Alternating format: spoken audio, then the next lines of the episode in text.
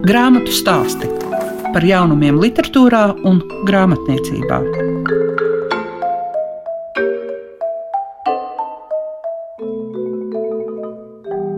Grāmatu stāstiem atvēlētajā laikā kopā ar Liegu Piešiņu jūs iepazīsiet gan Gusta Ābeles debijas darbu pasaulē mīļākais klusums, kā arī pievērsīsimies kārdinošam pavērsienam. Par to 16 stāstus ir uzrakstījusi Ilze Aizsila. Grāmatu stāsti programmā Klasika. Gustsābeli ir tas, kur tūlīt varēsiet dzirdēt grāmatu stāstos, jo viņam ir iznākusi grāmata pasaulē mīļākais klusums. Tas ir debijas darbs, un arī vecuma grupa ir atbilstoša. Nepilni 20 gadi, lai varētu runāt par to, ka citi vēl nav sākuši rakstīt, bet tev jau ir grāmata. Kas tev lika tādā vecumā izdot grāmatu jau?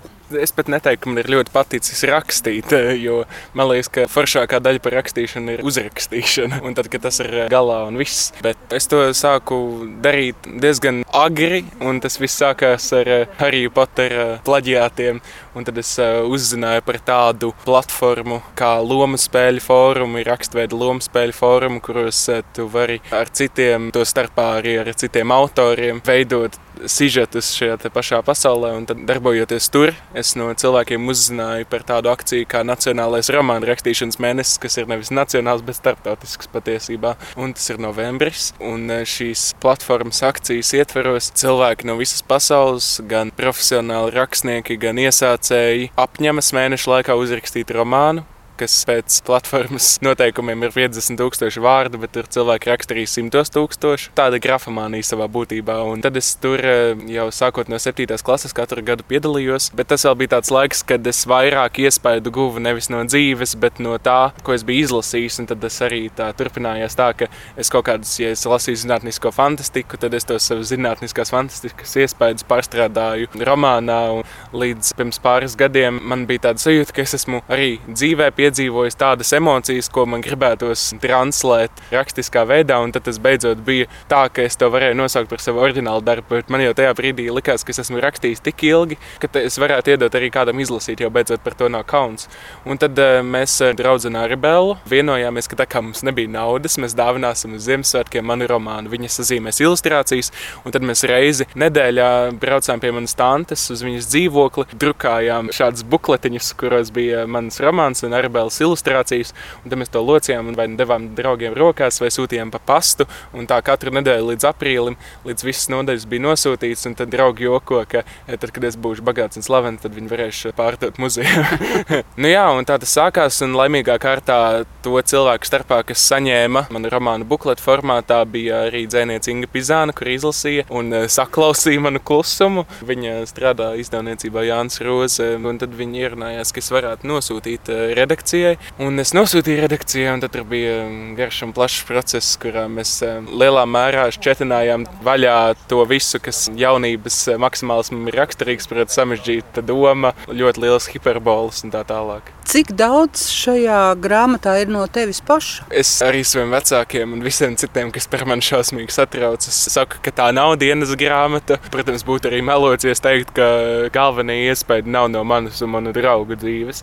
Jo man liekas, ka nu, tu jau nevari aizbēgt pats no sevis, tu nevari aizbēgt no tā, ko tu esi piedzīvojis, par ko tu esi domājis. Jāraksta jau par to, ko tu zini.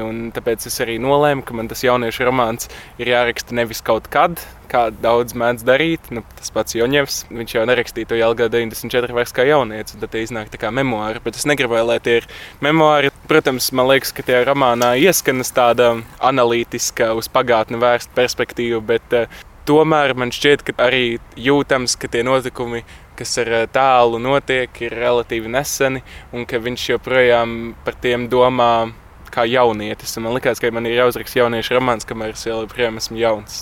Man no vienas puses likās, ka drusku bīstami to ir lasīt jaunu cilvēku vecākiem, jo viņi meklēs tās līdzības ar bērniem. Tagad ar to savu pieredzi man liekas, ka es varētu tādos piedzīvojumos piedalīties arī savā jaunībā. Jā, tas ir tas, ko es arī no daudziem esmu dzirdējis, ka uzreiz eh, velk paralēlus ar savu dzīvi, un tad, eh, nu, atkarībā no tā, cik uzmanīgi cilvēki, tad vieni velk paralēlus ar saviem bērniem, bet eh, citi ar savu jaunību. Un stāsta, ka no kopš 90. gadiem nekas jauniešu uzdzīvē nav mainījies, un tā tālāk. Mana vecmāma savukārt man stāstīja, ka viņas prāt šī tieši ir ļoti vērtīga grāmata tieši jauniešu vecākiem, lai saprastu, kas tad jauniešiem patiesībā galvā darās. tā ir tāda bīstama līnija, jo man liekas, ka tas var rezultēties visādā pārmērīgā kontrolēšanā un tā tālāk. Bet uh, es domāju, ka katrs, lai gan tā ir jauniešu grāmata, tajā katrs varētu atrast kaut ko, ar ko identificēties. Vai nu atgriezties jaunībā, vai nu domāt par saviem bērniem vai kā tam līdzīgi.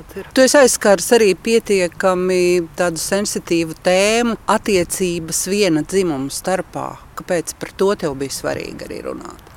Es nezinu, vai man par to bija ļoti svarīgi runāt. Man liekas, ka mēs arī redakcijā par to daudz spriedām. Nu, it kā tur ir šīs LGBT attiecības, bet turpat neizveidojas nekādas attiecības. Man liekas, daudz lielākā mērā tas ir stāsts par draudzību starp šiem diviem puišiem. Mazāk par to izdomāto mīlestību, jo izdomāt mīlestību tu vari pret eh, jebko un jebkādos Jā. apstākļos. Un tas ir eh, pat mazāk par eh, kaut kādiem seksualitātes jautājumiem, jo man liekas, ka tie jaunieši visi romānā pret seksualitāti attiecas tik brīvi kā neviens neviens nekur, jo viņiem tur vienalga, viņi tur tāpat viss nezinu, drāžas apkārt. Beigu beigās man e, svarīgākas bija tas izdomātības aspekts, ka viņam tam Svenam tik ļoti ir gribējies šo ideālo labāko draugu, ka viņš viņu nolēma izdomāt vienkārši tāpēc, ka šis te Karls, uz kura viņš viņu projicē, atrodas citā valstī, un viņam tas ir kaut kādā ziņā vienkāršāk.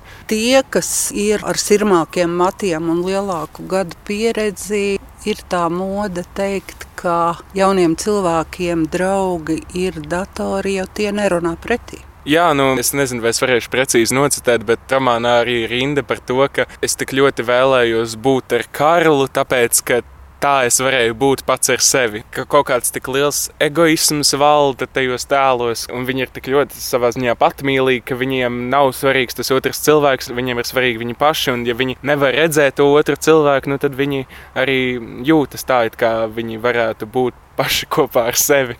Es nezinu, vai problēmas slēpjas tehnoloģijās. Man liekas, ka savā ziņā jau tas ir jauki, ka arī romānā tie divi puiši var sazināties. Jo nu, kādreiz tas būtu daudz mazāk iespējams, ja nebūtu tehnoloģija. Es domāju, ka lielāka problēma ir tajā robežā, ko nosprauž šīs tehnoloģijas. Jo it kā šķiet, ka jūs varat saslēgties tik ļoti tuvu, bet patiesībā tas kaut kādā ziņā attālina, un tad pazūd tās robežas. Jo it kā tev liekas, ka tas cilvēks nav īsts bez mazliet. Un tad Svens jau arī to izdara, ka viņš salauž kaut kādu to privāto telpu, kur iespējams nebūtu vajadzīgs un nebūtu vēlams salauzt. Tāpēc arī nosaukumā ir tas pasaulē mīļākais klusums, jo tur eh, iet uz riņķi un riņķi, un viņi tik daudz runā, runā, runā, runā, runā, runā neko nepasaka un tā tālāk. Un tad beigās tas viss izčūkst, un tad ir tas klusums, nu, ka šajā klusumā ir vislabāk. Klusums un attālums tas ir kā šajā romānā bezmaz vai sinonīmi. Un kamēr mēs runājam, tikmēr mums brauc garām ātrā palīdzība, kas dudina un nekādu klusumu nepieļauj, lai gan mēs atrodamies gana zaļā vidē lielajos kapos. Agrāk zāle bija zaļāka. Starp citu, par lielajiem kapiem runājot, eh, arī lielajos kapos norit vienas romāna nodaļas darbība un eh, gana liktenīga, manuprāt. Man liekas, ka šī ir tāda bezmaz vai svēta vieta, kur tādas lietas dramatiskas arī var notikt, bet par to, ka kādreiz zāle bija zaļāka, nu es jau nebiju klāt, tad, kad zāle bija zaļāka, bet man kaut kā liekas, ka varbūt tā zāle vienkārši bija citādāka. Un... Tu darbojies arī teātris jomā, un tagad arī savus studijas sāksi kultūras akadēmijā, režijā. Vai tev tas, ka tu nodarbojies arī ar teātri, palīdzēja rakstīt? Es par to esmu domājis, bet man šķiet, ka nepalīdzēja viss, jo tur slēpjas daļa no šī romāna pārkāpinātības un pārspīlētības problēmas. Nu, jā, nu, teātrī visas emocijas ir intensīvākas un pārspīlētākas nekā dzīvē. Manuprāt, šajā romānā tieši tāpat tas ir eh, daudz, daudz eh, intensīvāk un eh, vairāk nekā mums liekas, ka tas notiek. Tie notikumi ir tik fragmentāri un, un tiek attēlots tik ilgs laika posms, tikai apmēram 150 lapas pusēs. Man liekas, ka tas ir līdzīgi kā teātrī.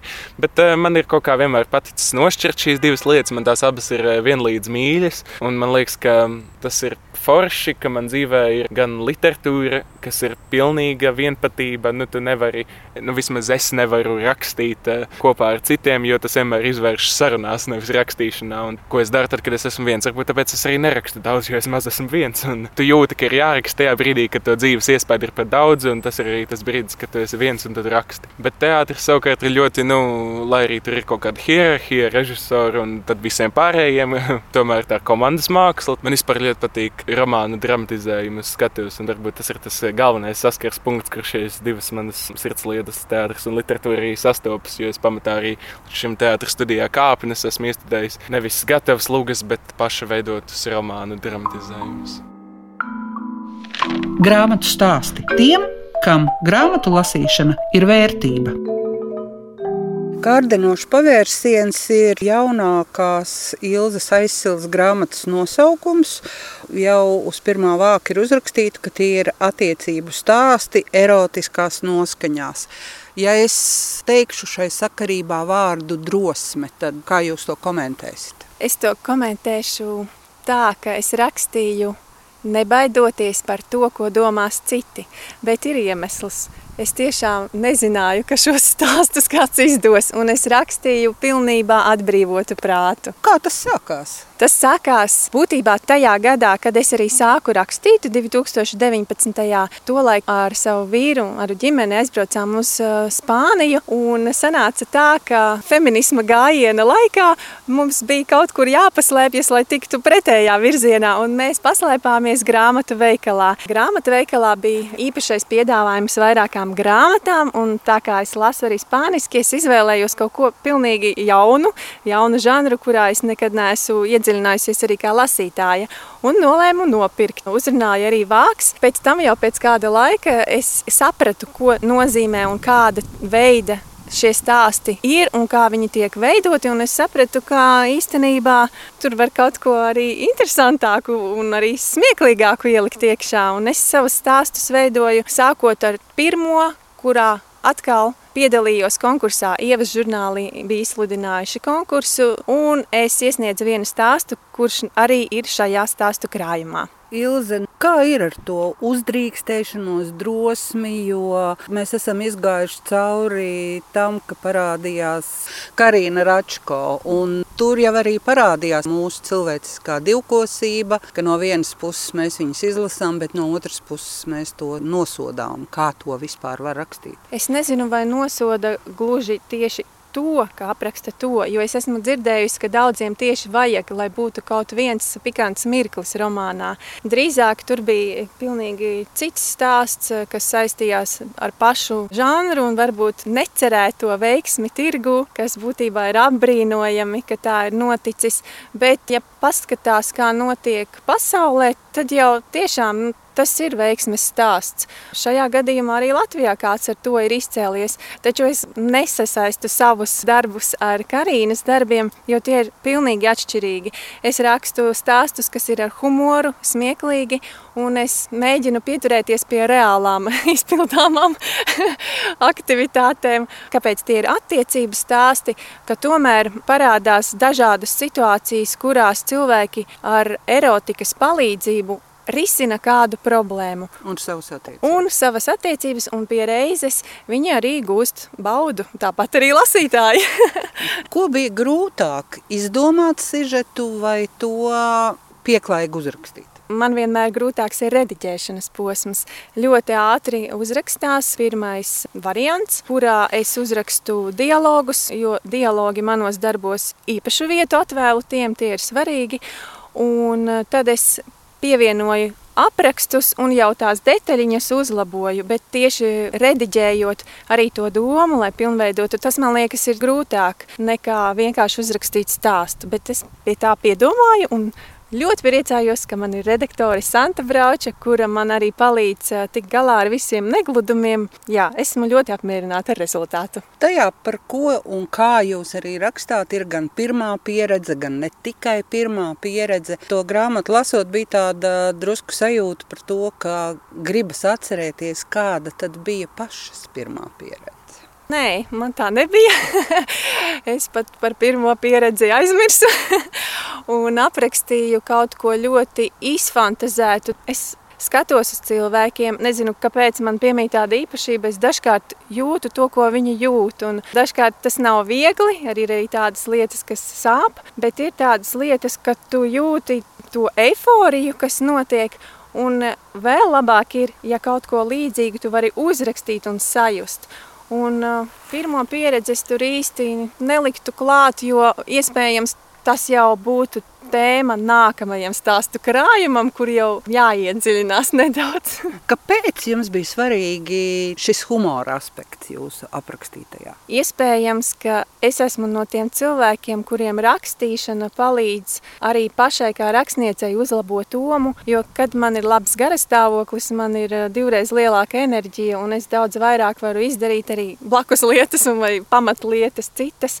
Un es ticu, ka arī lasītājiem varētu būt līdzīgi, un ka šādi stāsti, kas ir optimistiski un ar humoru, viņiem uzlabo garastāvokli, un tad viņi arī pret citiem izturas labāk. Jūsu grāmatu pieredze ir? Man ir trīs romāni, stāstu krājums, teiksmi par babīti kā mazāka grāmatiņa bērniem, un ir noslēgts arī līgums par bērnu stāstu zvaigznā becēra izdevniecībā. Ar ko atšķiras jauniešiem rakstītās grāmatas vai bērniem rakstītās grāmatas? Pirmkārt, jākonsultējas nevis ar pieaugušajiem, bet ar bērniem. Arī pa laikam atrāda fragmentiņus, atšķiras ar dialogiem, kā tiek veidoti un ko atbild. Un dažkārt tur tiešām ir jāpiedomā vairāk, kāda ir bērna valoda un tieši kāda mērķa auditorija būs lasītājs. Būtībā viss ir citādāk. Atgriezīsimies vēl pie kārdinošā pavērsiena, kādas konkrētas epizodes, kā tās radās, kā top kaut vai viens stāsts. Viens no spilgtākajiem stāstiem, ko es varētu pieminēt, ir nu, eksotisks savā ziņā. Notiek debesu skrāpī, un tas ir birojs, kur ir logu mazgātājs, kuram biznesa nolūkos uzņēmums eh, licis uzvilkt supermarketu ķermena tērpu. Tad viņš ir ietērpts šādā izskatā, lido no viena loga uz otru un pēkšņi ierauga meiteni aiz loga. Un tā savukārt strādā ļoti nopietnā uzņēmumā un ir kaut kādas viņai problēmas, juridiskās, kuras viņa nav atrisinājusi. Viņa nav ar tām tikusi kā profesionālis galā un arī vienlaikus dusmojas uz savu priekšnieku, kurš varētu pārmest, ka viņa netika galā. Viņa un viņš abi divi izmanto mirkli attālinātai tuvībai. Viņi viens otru redz, bet nepieskaras. Un tā kā viņš ir no citas, ja tā var teikt, sociālās kārtas, tad jā, tā situācija ir tāda, ka viņi it kā mīlēšanās process notiek tikai domās un ar redzi. Tāpat laikā viņi maldās vēl savās domās paralēli, nonāk līdz kādam secinājumam, ka tā arī vajag būt. Vai nav tā, ka principā ar jūsu uzrakstītajiem stāstiem, tos izlasot, varoņu noskaņās iejūtoties, var atrisināt diezgan daudz problēmas un cilvēks var kļūt daudz svabadāks, daudz brīvāks? Es ļoti cerētu, ka tā ir. Protams, ka es nevaru to garantēt. Katrs mēs citādāk uztveram šādus stāstus un vispār literatūru, bet ir stāsti, kuros es mēģinu iedzīvināt to cilvēcisko aspektu, ka nevienmēr tas, ko mēs uzskatām, ka ir ļauns, piemēram, krāpšana vai kas, ja tā iedziļinās un tad sajūt to otra cilvēka jūtas, ka tas nav briesmīgāks par nāvi un ka ir lietas, kuras tavā dzīvē ir jāsakārto un jāiet tālāk un ka ir jāpieķerās dzīvei un notikumiem nevis tam ļaunākajam un ka tas ir tevis dēļ vai tam līdzīgi. Jūs esat izvēlējusies, lai grāmatas noformējumu veidotu ne latvietis. Jā, grāmatas attēlu autore ir Mirjam Valbuena. Viņa dzīvo Kanāriju salās un ir māksliniece, kuru es pati uzrunāju un atradu. Būtībā es viņu iepazinu jau tad, kad mēs veidojām kopā manas mājaslapas ilustrācijas. Tā kā pirmsākumi manam ieskatam, kas ir erotiskie stāsti, sākās Spānijā, man likās ļoti loģiski, ja es atradīšu cilvēku ar spāņu temperamentu, kas iedzīvinās šo stāstus arī attēlos. Un es viņiem paaicināju apdomāt, un viņa piekrita uzreiz. Mēs sadarbojāmies, jā, vairākus mēnešus saskaņojām, kā varētu būt, un viņi man atrādīja variantus, bet būtībā ļoti ātri arī tikām pie rezultāta, jo es jūtu, ka viņa zīmē tādā stilā, kāds ir mans teksts, un tas ir ideāli. Viņa ir zīmējusi gan vāka attēlu, kuru apstrādāja kolēģis no Zvaigznes ABC. Toms Kalninskis. Savukārt iekšlapās arī pie katra stāsta ir mazs zīmējums, ilustrācija, kas ir kā elements no šī stāsta, kas simbolizē kaut ko šajā stāstā. Novēlējums lasītājiem lasot šo stāstu krājumu, atbrīvot prātu un izbaudīt. Izskan grāmatu stāsti. Šīs dienas raidījumā dzirdējāt 19 gadus veco Gustu Ābeli, kurš stāstīja par savu debijas grāmatu pasaulē mīļākais klusums, kā arī dzirdējāt Ilzi Aizsilu. Viņai stāstu grāmata ar 16 eksotiskiem attiecību stāstiem ar nosaukumu Kārdinošs pavērsiens. Visu labu jums saka Liega Piešiņa. Grāmatu stāsti par jaunumiem literatūrā un grāmatniecībā ik trešdienu, 9.5. ar atkārtojumu Svētdien, 18.15.